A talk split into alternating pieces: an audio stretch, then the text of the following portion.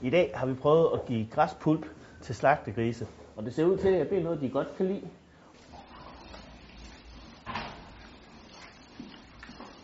Grisene de får normalt øh, brætfø øh, som grovfoder, og det er det, lidt det, vi har græspulpen op imod. Det kan de også godt lide.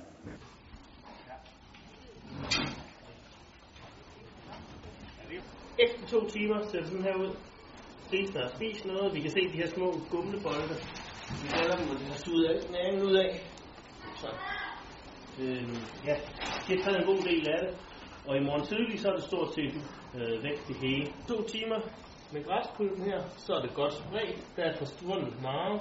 Og så har vi fået landmanden til at tage et billede i morgen tidlig for at se, hvor mange rester der egentlig bliver. Her ser vi til gengæld ikke de her små øh, gennemtykkede Øh, ting, så vi går ud fra, at det bliver spist.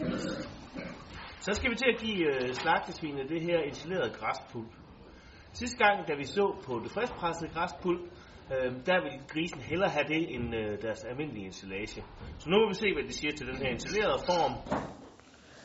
Nu har grisene fået det her græspulsinstallage, og de har været gang i, i cirka de her, eller de har været i gang i to timer, og der er der forsvundet noget, men der er der meget endnu, så den øh, friske model var helt sikkert det, de foretrak.